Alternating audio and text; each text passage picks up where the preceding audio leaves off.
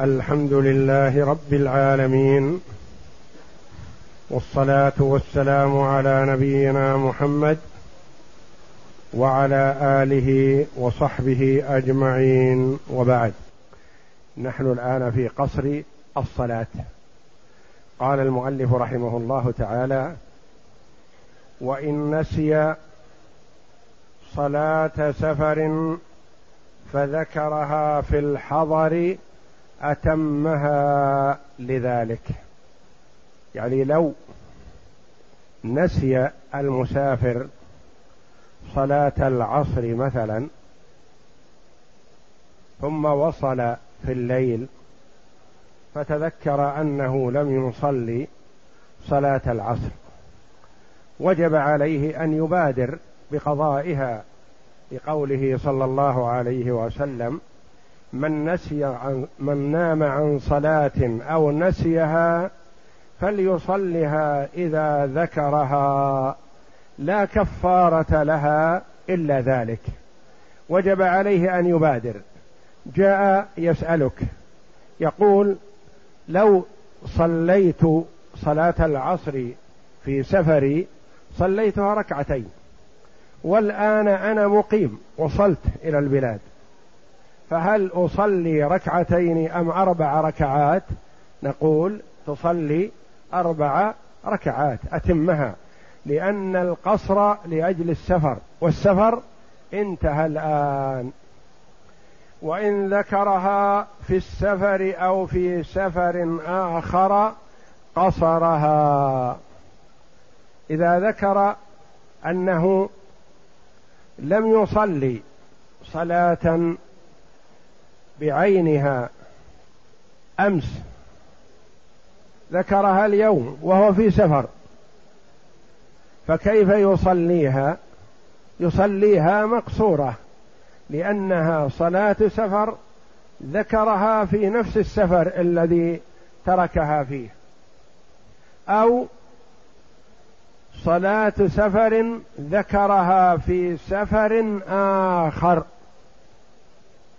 فكذلك يصليها صلاة سفر ركعتين لأنها في الأصل صلاة سفر وهو الآن مسافر فيصليها صلاة سفر. لأن وجوبها هي واجبة كانت في سفر وفعلها وجد في السفر. وجوبها أمس وذكرها اليوم في سفر آخر فيؤديها صلاة سفر. فكان له قصرها كما لو أداها لأنه لو أداها لقصرها. فكذلك إذا قضاها وهو في السفر يقصرها. ويتخرج أن يلزمه إتمامها إذا ذكرها في سفر آخر. لأن الوجوب كان ثابتا في ذمته في الحضر. يقول يتخرج على الأقوال السابقة وعلى ما فهم من تقريرات الإمام أحمد رحمه الله أنه يلزمها أن يتمها. نقول لما؟ قال هي صلاة سفر. ذكرها في سفر آخر غير السفر الأول. بين السفرين إقامة. بين السفرين إقامة. وقت الإقامة هذا الصلاة في ذمته. فهي وجبت في ذمته في السفر واستمر وجوبها في الحضر وذكرها في السفر. فما دام أن وجوبها كان في الحضر فيصليها تمام. هذا معنى قوله رحمه الله ويتخرج أن يلزمه إتمامها إذا ذكرها في سفر آخر. أما إذا ذكرها في نفس السفر فلا إشكال. يصليها ركعتين. صلاة سفر ذكرها وهو في نفس السفر يصليها ركعتين. صلاة سفر ذكرها في سفر آخر تقدم أنه يصليها ركعتين لأنه صلاة سفر ذكرها في سفر. قال ويتخرج على أقوال الإمام وعلى الروايات أن أن يلزمه إتمامها. لما؟ يقول لأنها صلاة سفر ووجبت في ذمته في السفر واستمر وجوبها في الحضر لأنه ذكرها بعد إقامة. فوقت الإقامة كانت الصلاة في ذمته. فيتخرج أن يتمها أربع ركعات. فصل. السادس ألا يأتم بمقيم. فإن ائتم بمقيم لزمه الإتمام. السادس من شروط قصر الصلاة في السفر ألا يأتم بمقيم. فإن ائتم بمقيم لزمه أن يتمها. مثلا هو مسافر ومر في طريقه بمسجد. المسجد فيه جماعة مقيمون. أقيمت الصلاة دخل معهم في صلاة الظهر. يلزمه أن يتم الصلاة أربع ركعات. لأنه تم بمقيم. فإذا سلم الإمام له أن يقوم ويصلي العصر إذا كان يسوغ له الجمع ويقصرها ركعتين. لما الصلاة الأولى أربع والثانية ركعتان؟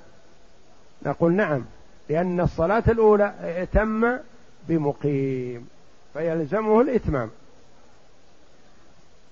فيجهل بعض الناس يحضر مع الإمام المقيم مثلا صلاة الظهر فيقسمها بين الظهر والعصر. إذا جلس الإمام للتشهد الأول تشهد هو وسلم ثم قام ودخل مع الإمام بنية صلاة العصر وهذا خطأ وجهل وما تصح الصلاتان حينئذ. بل إذا أتم بمقيم لزمه الإتمام وهذه السنة. فلا يصح أن يقصر افرض دخل مثلا مع الإمام وقد فاته ركعتان. بقي على الإمام من صلاة الظهر ركعتان. فدخل المسافر معه. فإذا سلم الإمام من صلاته لزم المسافر أن يقوم ويأتي بركعتين. لأنها تلزمه أربع فلا تصح منه بركعتين. سواء ائتم به في الصلاة كلها أو في جزء منها. جاء المسافر فوجد الإمام مثلا في التشهد الأول. فدخل معه. بقي على الإمام ركعتان. المسافر صلاته ركعتان لكن بائتمامه بالمقيم كم يلزمه أن يصلي؟ أربع ركعات. إذا سلم الإمام يلزمه أن يقوم. جاء المسافر والإمام في التشهد الأخير. فكبر معه وأدرك التشهد الأخير معه ثم سلم الإمام. نقول للمسافر يلزمك الآن أربع ركعات لأنك تممت بمقيم فيلزمك أن تصلي مثله. تقول ما أدركت معه شيئا ما أدركت إلا التشهد الأخير. نقول يلزمك أربع ركعات. أو أدركت ركعة تصلي معها ثلاث. أدركت ركعتين تصلي معها ركعتين. أدركت ثلاث ركعات تصلي معها ركعة وهكذا. لأن ابن عباس سئل ما بال المسافر يصلي ركعتين حال الانفراد وأربعا إذا أتم بمقيم فقال تلك السنة. رواه الإمام أحمد. وهذا ينصرف إلى سنة النبي صلى الله عليه وسلم لأن الصحابي رضي الله عنه إذا قال تلك السنة أو هذه السنة من يقصد بذلك؟ لا شك أنه يقصد سنة رسول الله صلى الله عليه وسلم. التعليل ويقول لأنها ولأنها صلاة مردودة من أربع فلا يصليها خلف من يصلي الأربع كالجمعة. الصلاة أصلها أربع فقصرت للسفر مثلا فهو ائتم بمن يصليها أربع ولم يؤتم بمن يصليها اثنتين فيلزمه أن يصلي مثله لأنه كما قال عليه الصلاة والسلام إنما جعل الإمام ليؤتم به. ولو أدرك المسافر من الجمعة أقل من ركعة لزمه إتمامها أربعة. انتبه لهذا. أدرك المسافر مع الإمام في صلاة الجمعة ركعة واحدة. فما الذي يلزمه؟ يضيف إليها أخرى وتكفيه جمعة. لأن الجمعة كما سيأتينا إن شاء الله. ومن حضرها ممن لا تجب عليه أجزأته. المرأة تحضر الجمعة ولا تجب عليها فتصلي مع الإمام ركعتين يكفيها. المسافر لا تجب عليه الجمعة. فصلى مع مع الإمام أجزأته. المريض لا تجب عليه الجمعة. فحضر مع الإمام ركعتين أجزأته. المسافر أدرك مع الإمام في الجمعة ركعة يضيف إليها أخرى وتكفي. المسافر أدرك مع الإمام التشهد فقط ما أدرك ركعة كاملة. يعني بعدما رفع الإمام من الركوع في الركعة الثانية دخل المسافر معه. ما الذي يجب عليه؟ جمعة ما أدركها. ما يكفي أن يصلي ركعتين بنية الجمعة. يقصرها ما يصح لأنه اقتدى بمقيم. ما الذي يتعين عليه؟ يتعين عليه أربع. المقيم إذا فاتته الجمعة ولم يدرك منها ركعة كاملة ما الذي يتعين عليه؟ أربع. لأنه فاتته صلاة الجمعة لو أدرك ركعة أضاف إليها أخرى لكن ما أدرك ركعة ما الذي يلزمه؟ يلزمه أربع ركعات يلزمه ظهر. قالوا إن كان نوى الظهر وإن لم يكن نوى الظهر نوى الجمعة فلا تجزئه بل يصليها نافلة ثم يأتي بصلاة الظهر بعد ذلك. ولو أدرك المسافر من الجمعة أقل من ركعة لزمه إتمامها أربعا لائتمامه بالمقيم. ومن ائتم بمقيم ففسدت الصلاة. لم يجز له قصرها بعد ذلك لأنها تعينت عليه تامة لائتمامه بمقيم. هذه انتبه لها. كثيرا ما تحصل هذه المسائل على المرء وعلى غيره. من ائتم بمقيم. شخص مسافر. دخل مع الإمام وكبر تكبيرة الإحرام. ثم فسدت صلاته لسبب من الأسباب. أحدث أو ذكر أنه لم يتوضأ أو ذكر أن عليه جنابة وهو في الصلاة فسدت صلاته يلزمه أن ينصرف. فذهب وأتم ما اختل كأن يكون توضأ أو اغتسل أو نحو ذلك الذي عليه. ثم جاء ليصلي وقد انتهت الجماعة. ما الذي يلزمه؟ يلزمه أربع. يقول أنا مسافر. نقول لأنك أتممت بمقيم ودخلت معه. فيلزمك صلاة المقيم الذي دخلت معه. وهذا يحصل كثير. يكون يأتم بمقيم ثم تفسد صلاته لسبب من الأسباب. فيلزمه أن يصلي حينئذ أربع ركعات لكونه ائتم بمقيم. ومن أحرم مع من يظنه مقيما أو يشك فيه لزمه الإتمام وإن قصر إمامه اعتبارا بالنية. دخل في المسجد في القرية وهو في طريقه في سفره. فكان يتوقع أن هذا الإمام مقيم إمام أهل القرية. فدخل معه بنية يظنه أنه مقيم. فإذا بالإمام يصلي ركعتين ويجلس للتشهد ويسلم. هذا الذي دخل لا يدري عنه يظنه مقيما. ما الذي يلزمه؟ يلزمه أن يتم أربع. لما؟ أنا مسافر وصليت خلف مسافر. نعم لأنك عند دخولك في الصلاة نويت الإتمام لأنك توقعت أن إمامك مقيم. فنويت الإتمام فيلزمك أن تتم. أو شك لا يدري أهو مقيم أو مسافر فالأصل الإتمام يلزمك الإتمام حتى وإن قصر الإمام وإن قصر. لأنك أنت دخلت بنية الإتمام فيلزمك الإتمام. اعتبارا بالنية نية دخولك. وهذا مذهب الشافعي. وإن غلب على ظنه أنه مسافر. لدليل. يعني رأى على الإمام آثار السفر. أو رأى شيئا من العلامات. سيارة واقفة عند باب المسجد. وليس حولها أحد إلا هؤلاء الذين يصلون. فهذه أمارة على أن هؤلاء الذين يصلون هم أهل هذه السيارة وهم مسافرون.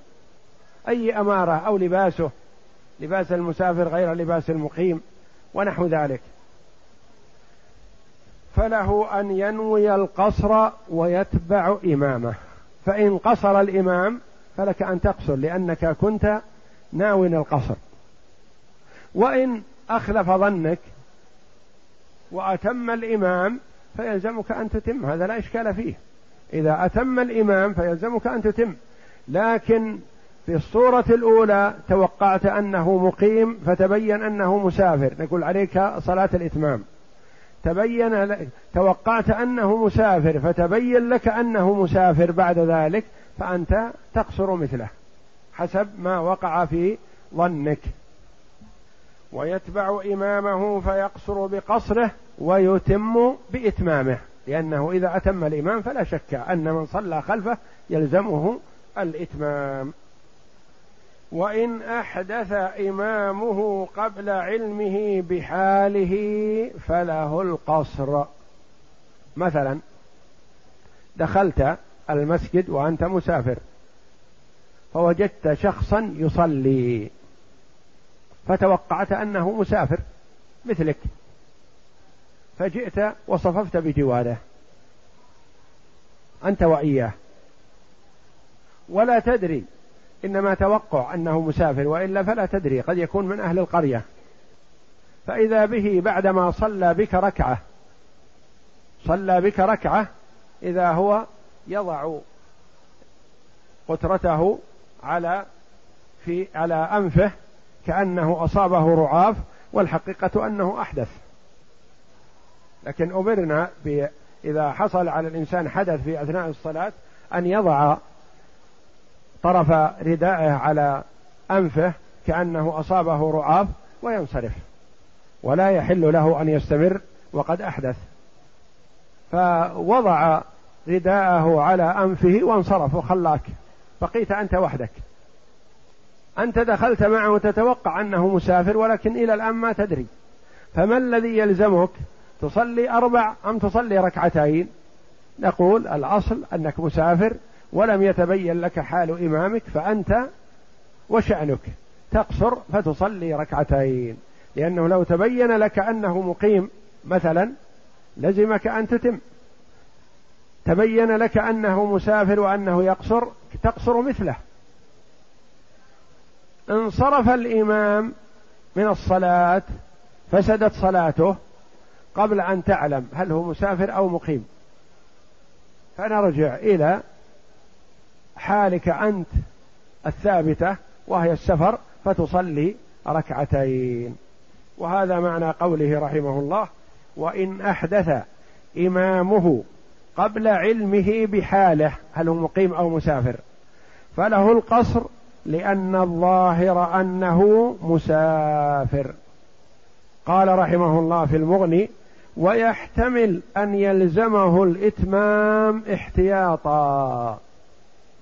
قال في المغني الذي الكتاب الذي هو أوسع من الكتاب الذي بأيدينا الكافي قال ويحتمل أن يلزمه الإتمام لما يرحمك الله؟ قال لأن إمامه انصرف ولا يدري عنه أهو متم أم قاصر؟ فالأحوط أن يتم. قال ويحتمل أن يلزمه الإتمام احتياطا يعني لا وجوبا. وإن أما المسافر مقيما لزم المقيم الإتمام ويستحب للإمام أن يقول لهم أتموا فإنا سفر. لما روى عمران بن حسين رضي الله عنه قال شهدت الفتح مع رسول الله صلى الله عليه وسلم فكان لا يصلي إلا ركعتين ثم يقول لأهل البلد صلوا أربعا فإنا سفر. رواه أبو داود. إذا كان الإمام مسافر عكس المسائل السابقة. الإمام مسافر والجماعة مقيمون. جماعة المسجد جاءهم ضيف مسافر فقدموه ليصلي بهم فصلى بهم ركعتين. وهم مقيمون في بلدهم ومكانهم وهو مسافر فصلى بهم ركعتين وسلم. ما حكم صلاتهم؟ صلاتهم صحيحة خلف المسافر لكن يلزمهم أن يتموا ما يكفي منهم ركعتان بل لا بد أن يتموا أربع. ويستحب للإمام إذا سلم أن يقول أتموا يا أهل البلد فإنا قوم سفر أو فأنا مسافر. لأنه قد يتوقع بعضهم جهلا أنه ما دام الإمام صلى ركعتين فتكفي لأنه دخل مع الإمام في أول صلاته والإمام سلم من ركعتين فيظن أن ذلك يكفيه. والحقيقة أن هذا لا يكفي لأن النبي صلى الله عليه وسلم كما روى عمران بن حسين رضي الله عنه أنه شهد فتح مكة مع النبي صلى الله عليه وسلم في السنة الثامنة من الهجرة في رمضان. فتح الله مكة لرسوله صلى الله عليه وسلم في شهر رمضان المبارك في السنة الثامنة من الهجرة. وكان عليه الصلاة والسلام يصلي بالناس ومعه من جاء معه من المدينة من الفاتحين ومعه أهل مكة المسلمون من أهل مكة ومسلمو أهل مكة الذين أسلموا يوم الفتح. كلهم يصلون معه فيقول لهم صلى الله عليه وسلم وهو يصلي بهم أتموا يا أهل مكة فإنا قوم سفر. يعني أنا مسافر وصحبي مسافرون وأنتم يا أهل مكة ما يكفي منكم ركعتان بل لا بد أن تصلوا أربع ركعات. وإن أتم الإمام بهم صحت الصلاة وعنه تفسد صلاة المقيمين لأنه مؤتم بمتنفل في الركعتين الأخيرتين والأول المذهب لأن الإتمام يلزمه بنيته. الصورة السابقة مقيمون في البلد جاءهم ضيف مسافر ذو فضل وعلم فقدموه ليصلي بهم. هو مسافر يكفي منه ركعتان وهم مقيمون. لا بد أن يصلوا أربع. فاستحسن في أثناء الصلاة أن يصلي بهم أربعا حتى لا يربكهم ولا يدخل الخلل عليهم والشك لأنهم سيختلفوا. منهم من يقوم يتم ومنهم من سيسلم معه ويحصل كلام. فقال درءا لهذا أصلي بهم أربع وأنا مسافر فلا حرج فالصلاة صحيحة. قال ويحتمل أن لا تصح صلاة المقيمين. يقول لما يرحمك الله لا تصح صلاة المقيمين؟ يقول المقيمون صلوا ركعتين خلف مفترض. وصلوا ركعتين خلف متنفل. لأن الركعتين الركعتين الأخيرتين لا تلزم الإمام وإنما هي في حقه نفل. فصلوا ركعتين خلف مفترض وركعتين خلف متنفل ففسدت الصلاة. نقول لا الصلاة صحيحة والحمد لله. وحتى لو كانت الصلاة الركعتان الأوليان فرض والركعتان الأخريان نفل فلا حرج لأن معاذ كان يصلي بأصحابه. الأمر الثاني قال رحمه الله قال لأنه بنيته الإتمام لزمه الأربع.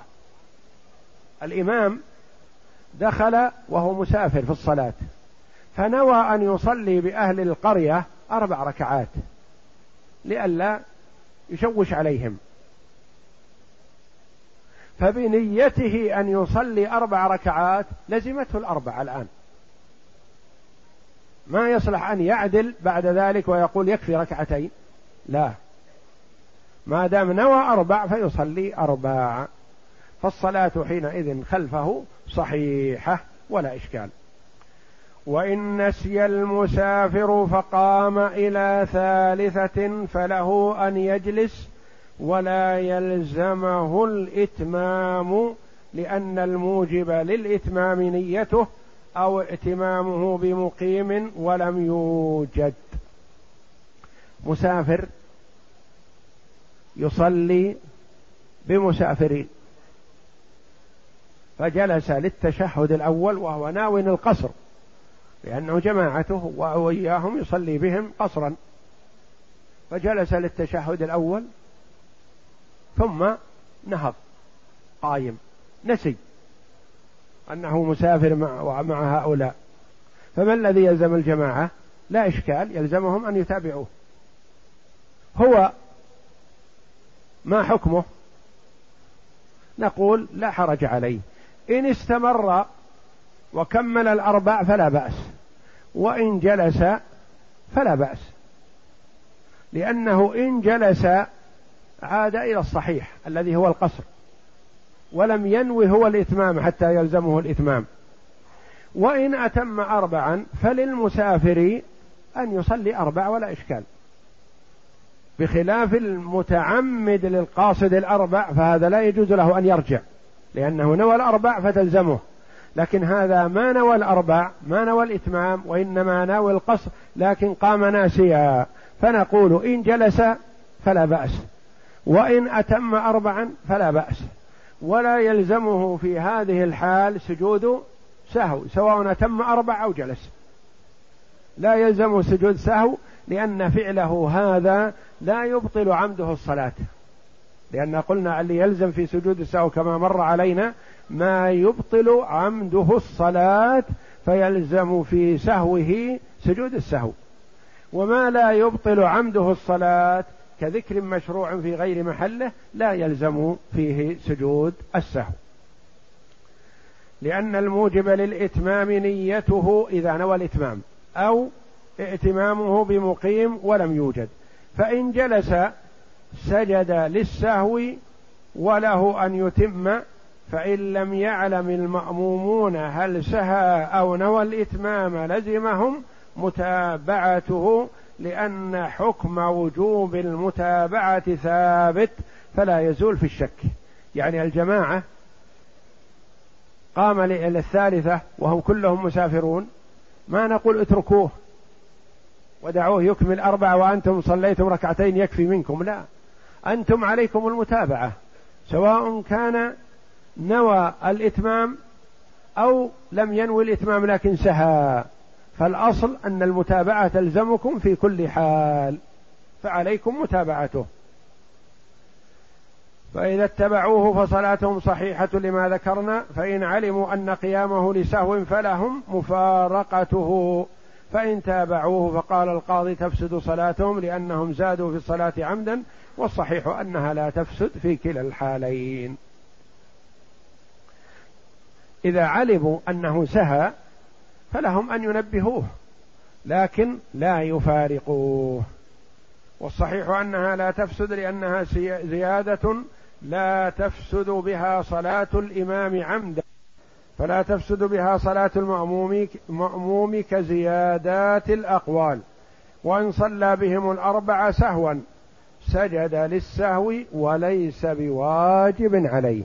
إذا أتم الأربع يسجد للسهو كما تقدم لنا أنه يستحب فيما لا يبطل عمده الصلاة ويجب فيما يبطل عمده الصلاة. فإن سجد للسهو فحسن استحبابا لأنه أتى بزيادة ركعتين غير مشروعتين في حقه لكنها لا تبطل الصلاة. لأنها زيادة لا يبطل عمدها فلا يجب لها السجود كقراءة السورة في الثالثة. الركعة الثالثة والرابعة يكفي فيها الفاتحة. لو قرأ سورة نقول سهوا نقول تبطل صلاته؟ لا. هل يلزم أن يسجد السهو؟ لا. فصل. وللمسافر أن يقصر وله أن يتم. لقول الله تعالى فليس عليكم جناح أن تقصروا من الصلاة. مفهومه أن القصر رخصة يجوز تركها. وعن عائشة رضي الله عنها قالت خرجت مع رسول الله صلى الله عليه وسلم في عمرة رمضان فأفطر وصمت وقصر وأتممت فقلت يا رسول الله بأبي أنت وأمي يعني أفديك بأبي وأمي. أفطرت وصمت. أفطرت يعني أنت وصمت أنا تقول عائشة. أنت يا رسول الله أفطرت وأنا صمت. وأتممت يعني أنا. و, و وقصرت وأتممت. يعني أنت قصرت الصلاة ركعتين وهي تصلي وحدها تتم أربع ركعات. فقال أحسنت. رواه أبو داود الطيالسي. ولأنه تخفيف أبيح للسفر فجاز تركه كالمسح ثلاثا. يعني المسافر له أن يصلي الرباعية ركعتين لكن لو أحب أن يصلي أربع تصح الصلاة لفعل عائشة رضي الله عنها. المسافر له أن يمسح ثلاثة أيام بلياليها من حدث أصغر لا من جنابة. أراد أن لا يمسح إلا يوم وليلة فله ذلك لا حرج عليه. فقصر الصلاة رخصة وليس عزيمة لأن العزيمة يجب فعلها. الرخصة لك أن تأخذ بها ولك أن لا تأخذ بها لكن الأفضل أن تأخذ بها. قال والقصر أفضل. لما؟ لأن النبي صلى الله عليه وسلم وأصحابه داوموا عليه وعابوا من تركه. يعني الأفضل له القصر لأنه اقتداء بالنبي صلى الله عليه وسلم وجل الصحابة رضي الله عنهم. قال عبد الرحمن بن يزيد صلى عثمان رضي الله عنه اربعا فقال عبد الله يعني عبد الله بن مسعود رضي الله عنه صليت مع النبي صلى الله عليه وسلم ركعتين ومع أبي بكر ركعتين ومع عمر ركعتين ثم تفرقت بكم الطرق ولوددت أن حظي من أربع ركعتان متقبلتان متفق عليه. يقول صليت مع الرسول عليه الصلاة والسلام ركعتين وصليت مع أبي بكر ركعتين وصليت مع عمر ركعتين ثم إن عثمان رضي الله عنه أتم ولم يقصر. قالوا لأنه علل رضي الله عنه أنه كان في في بلده في مكة وفي المدينة وكان خليفة فكانت البلاد له كلها بالنسبة شيء واحد هو أمير المؤمنين رضي الله عنه. فأتم ما روي عن عثمان أنه أتم في حجه رضي الله عنه. فيقول عبد الله بن مسعود لوددت أن لي من الأربع هذه التي أصليها ركعتان متقبلتان. أحب إلي من أربع. وأتى ابن عباس رجل فقال إني كنت مع صاحب لي في السفر فكنت أتم وصاحبي يقصر. فقال بل أنت الذي كنت تقصر وصاحبك يتم. هذا تفضيل من ابن عباس رضي الله عنه. لما جاءه الرجل قال يا ابن عباس سافرت أنا وفلان مثلا في سفر فكان هو يصلي ركعتين وأنا أصلي أربع فكان صاحبي يقصر وأنا أتم. قال بل الحقيقة والواقع أن صاحبك هو الذي يتم لأنه يأتي بالسنة على وجهها. وأنت الذي تقصر. أنت الذي خالفت.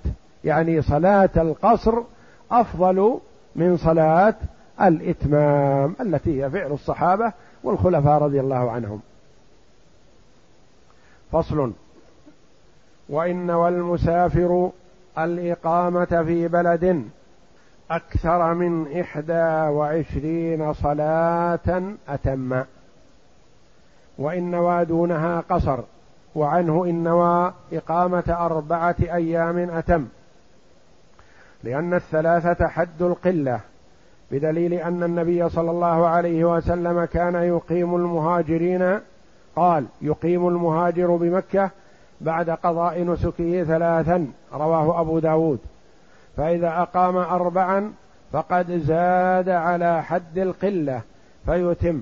والأول المذهب لأن النبي صلى الله عليه وسلم أقام بمكة فصلى بها إحدى وعشرين صلاة يقصر فيها. وذلك أنه قدم لصبح رابعة من ذي الحجة. فأقام إلى يوم التروية فصلى الصبح ثم خرج. فمن أقام مثل إقامته قصر ومن زاد أتم ذكره الإمام أحمد.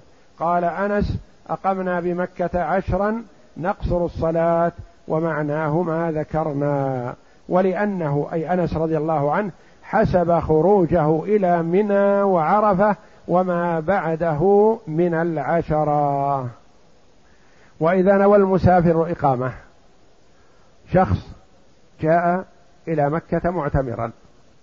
نقول له يقول ما حكم صلاتي؟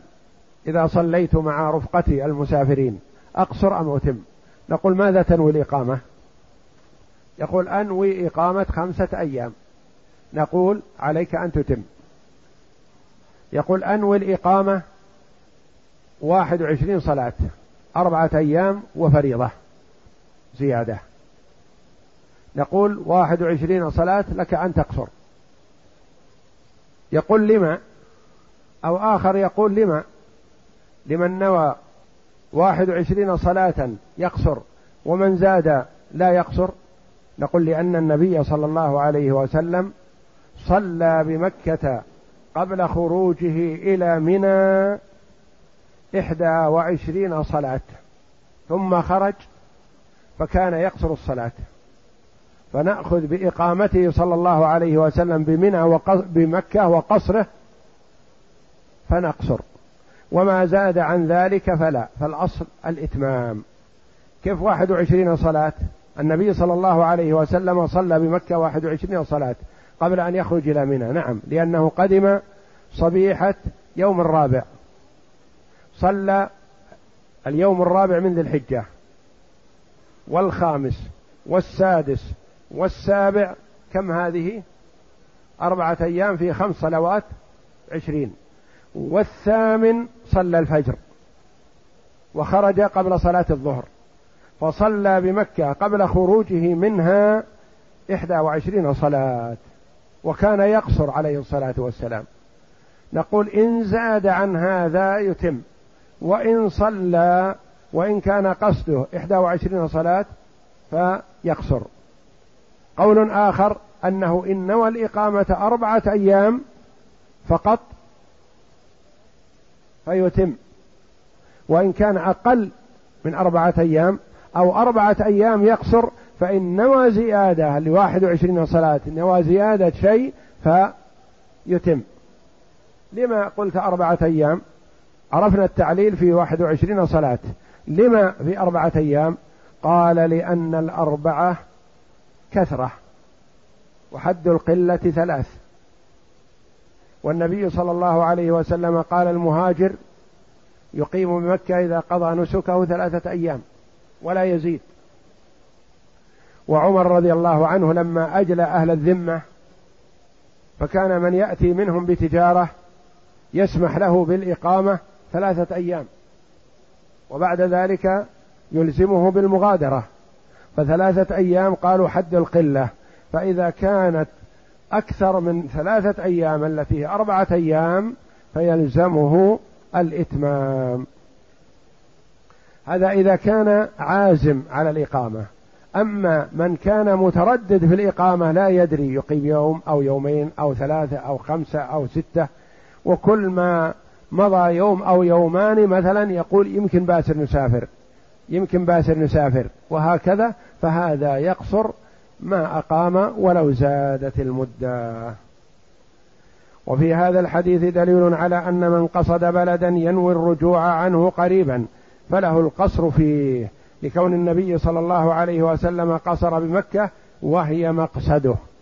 يعني قصد مكان مثل ما مثلنا في من قصد العمرة بمكة يقيم بها ثلاثة أيام أو أربعة أيام نقول له أن يقصر ولو كان نازل. ولو كان نازل. أما إذا كان ينوي الإقامة أكثر من أربعة أيام فعليه الإتمام. وحديث أنس رضي الله عنه يقول أقمنا بمكة عشرا نقصر الصلاة. ما المراد بالعشر؟ إحنا تقدما عرفنا أن النبي أقام بمكة أربعا. نعم. أقام بها عشرا. لأن أنس رضي الله عنه حسب من يوم وصول النبي صلى الله عليه وسلم إلى مكة صبيحة يوم الرابع من ذي الحجة حتى غادر مكة في اليوم الثالث عشر بعد الثالث عشر. فحسب أيام منى وأيام عرفة وتلك الأيام الأول في منى والأخيرات في منى كلها حسبها مجموعه عشرة لأن النبي صلى الله عليه وسلم الرابع والخامس والسادس والسابع والثامن والتاسع والعاشر والحادي عشر والثاني عشر والثالث عشر. هذه عشرة أيام أقامها صلى الله عليه وسلم بمكة لأن النبي صلى الله عليه وسلم أقام بمكة حتى رمى الجمار في اليوم الثالث عشر. ثم دخل مكة وودع وسافر عليه الصلاة والسلام إلى المدينة. وفيه دليل على أن من قصد رستاقا يتنقل فيه. لا ينوي إقامة في موضع واحد فله القصر لأن النبي صلى الله عليه وسلم قصر بمكة ومنى وعرفة عشرا. هذه تحصل للمسافر مثلا للنزهة. إنسان سافر للنزهة إلى المصيف مثلا. يريد أن يقيم في أبها مثلا عشرة أيام. إن كان مقيم في أبها في المدينة مثلا يلزمه اليتم لأنه ينوي إقامة عشرة أيام. لكنه لا ينوي الإقامة في نفس المكان عشرة أيام وإنما حط رحله في المدينة. ويوم ينتقل إلى السودة ويوم ينتقل إلى القرعة ويوم ينتقل إلى كذا ويوم ينتقل إلى كذا هذا يقصر. لأنه ما قصد الإقامة عشرة أيام وهذا معنى قول المؤلف رحمه الله رستاقا. الرستاق مجموعة قرى منطقة مثلا فيها قرى كثيرة. يوم في القرية الفلانية ويوم في القرية الفلانية ويوم في القرية الفلانية وهكذا.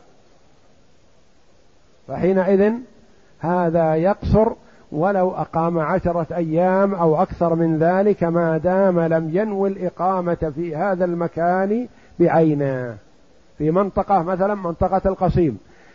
يوم ويومان في مدينة ويوم ويومان في مدينة أو في قرية أو في ضاحية وهكذا فهكذا. هذا يقصر ولو أقام في القصيم شهرا ما دام لم يستقر في مكان واحد. وفيه دليل على أن من قصد رستاقا يتنقل فيه. الرستاق مجموعة قرى وأماكن لا ينوي إقامة في موضع واحد فله القصر لأن النبي صلى الله عليه وسلم قصر بمكة ومنى وعرفة عشرة أيام. لأن النبي صلى الله عليه وسلم اقام في مكة أربعة أيام. ثم خرج وأقام بمنى يوم. ثم خرج وأقام بعرفة يوم. ثم عاد وأقام بمك بمنى كذلك أربعة أيام. يوم العيد وثلاثة أيام بعده. وهكذا. فمجموع الأيام عشرة وهو كل في منطقة واحدة لكنه يتنقل من مكان إلى مكان. ومن كان بمكة مقيما فخرج إلى عرفة عازما على أنه إذا رجع إلى مكة لا يقيم بها فله القصر من حين خروجه. شخص جاء إلى مكة للحج من أول ذي الحجة وينوي الإقامة في مكة إلى اليوم الثامن من ذي الحجة. هذا ما حكمه؟ يتم لأنه ينوي إقامة ثمانية أيام. لكنه ارتحل في اليوم الثامن إلى منى. ومن منى ماذا يريد؟ عرفة. ومن عرفة يعود إلى منى ويقيم بها أربعة أيام ثم يدخل إلى مكة ويقيم بها اليوم مثلا الرابع عشر والخامس عشر مثلا ثم يسافر لبلاده. هذا متى يبدأ في القصر؟ إذا خرج إلى منى في اليوم الثامن من ذي الحجة ابتدأ السفر عبارة كأنه ابتدأ سفره لبلاده. أولا إلى منى ثم عرفة ثم منى ثم مكة ثم مواصلة السير. يقصر من حين يخرج من مكة. أما إذا كان ينوي الإقامة في مكة بعد الحج فلا فلا يعتبر خروجه هذا خروج سفر. وسيأتي الخلاف في القصر لأهل مكة والجمع في المناسك إن شاء الله. ولو خرج المسافر وذكر حاجة في بلده قصر في رجوعه إليها. فإذا وصل البلد فإن كان له به أهل أو مال أتم وإلا قصر فيه أيضا. ومتى مر المسافر ببلد له فيه أهل أو ماشية أتم لأن ذلك يروى عن عثمان رضي الله عنه. وابن عباس رضي الله عنهم. وإذا خرج المسافر فذكر حاجة في بلده. إنسان خرج من مكة مسافر. فلما مشى ثلاثين كيلو ذكر حاجة تلزمه بالعودة إلى مكة وهي بلده. فأدركه وقت صلاة الظهر في رجوعه إلى مكة. ما بينه وبين بلده إلا مسافة قصيرة. فهل له أن يقصر أم يتم؟ لأنه قصد بلده. له أن يقصر. لأنه لا يريد الرجوع للإقامة في بلده وإنما يريد الرجوع لهذه الحاجة فيأخذها ويعود. هو مسافر. فإن أقام بمكة التي هي بلده فحينئذ يتم. وإن أخذ حاجته وخرج يقصر من حين خروجه من مكة شخص من أهل الطائف جاء وأقام بمكة ثم خرج من مكة يريد الرياض مثلا فمر بطريقه إلى الطائف وأدركته صلاة الظهر والعصر وهو في الطائف فهل يقصر؟ إن كان أهله وماله في الطائف فلا يقصر لو أنه لم ينوي الإقامة إلا الظهر والعصر فلا يقصر. فإن كان قد انتقل من الطائف انتقالا كلي فله أن يقصر. وهذا معنى قول المؤلف رحمه الله ومتى مر المسافر ببلد له فيه أهل أو ماشية أتم أتم الصلاة. لأن هذا فعل عثمان وابن عباس رضي الله عنهم. والله أعلم. وصلى الله وسلم وبارك على عبده ورسول نبينا محمد. وعلى آله وصحبه أجمعين.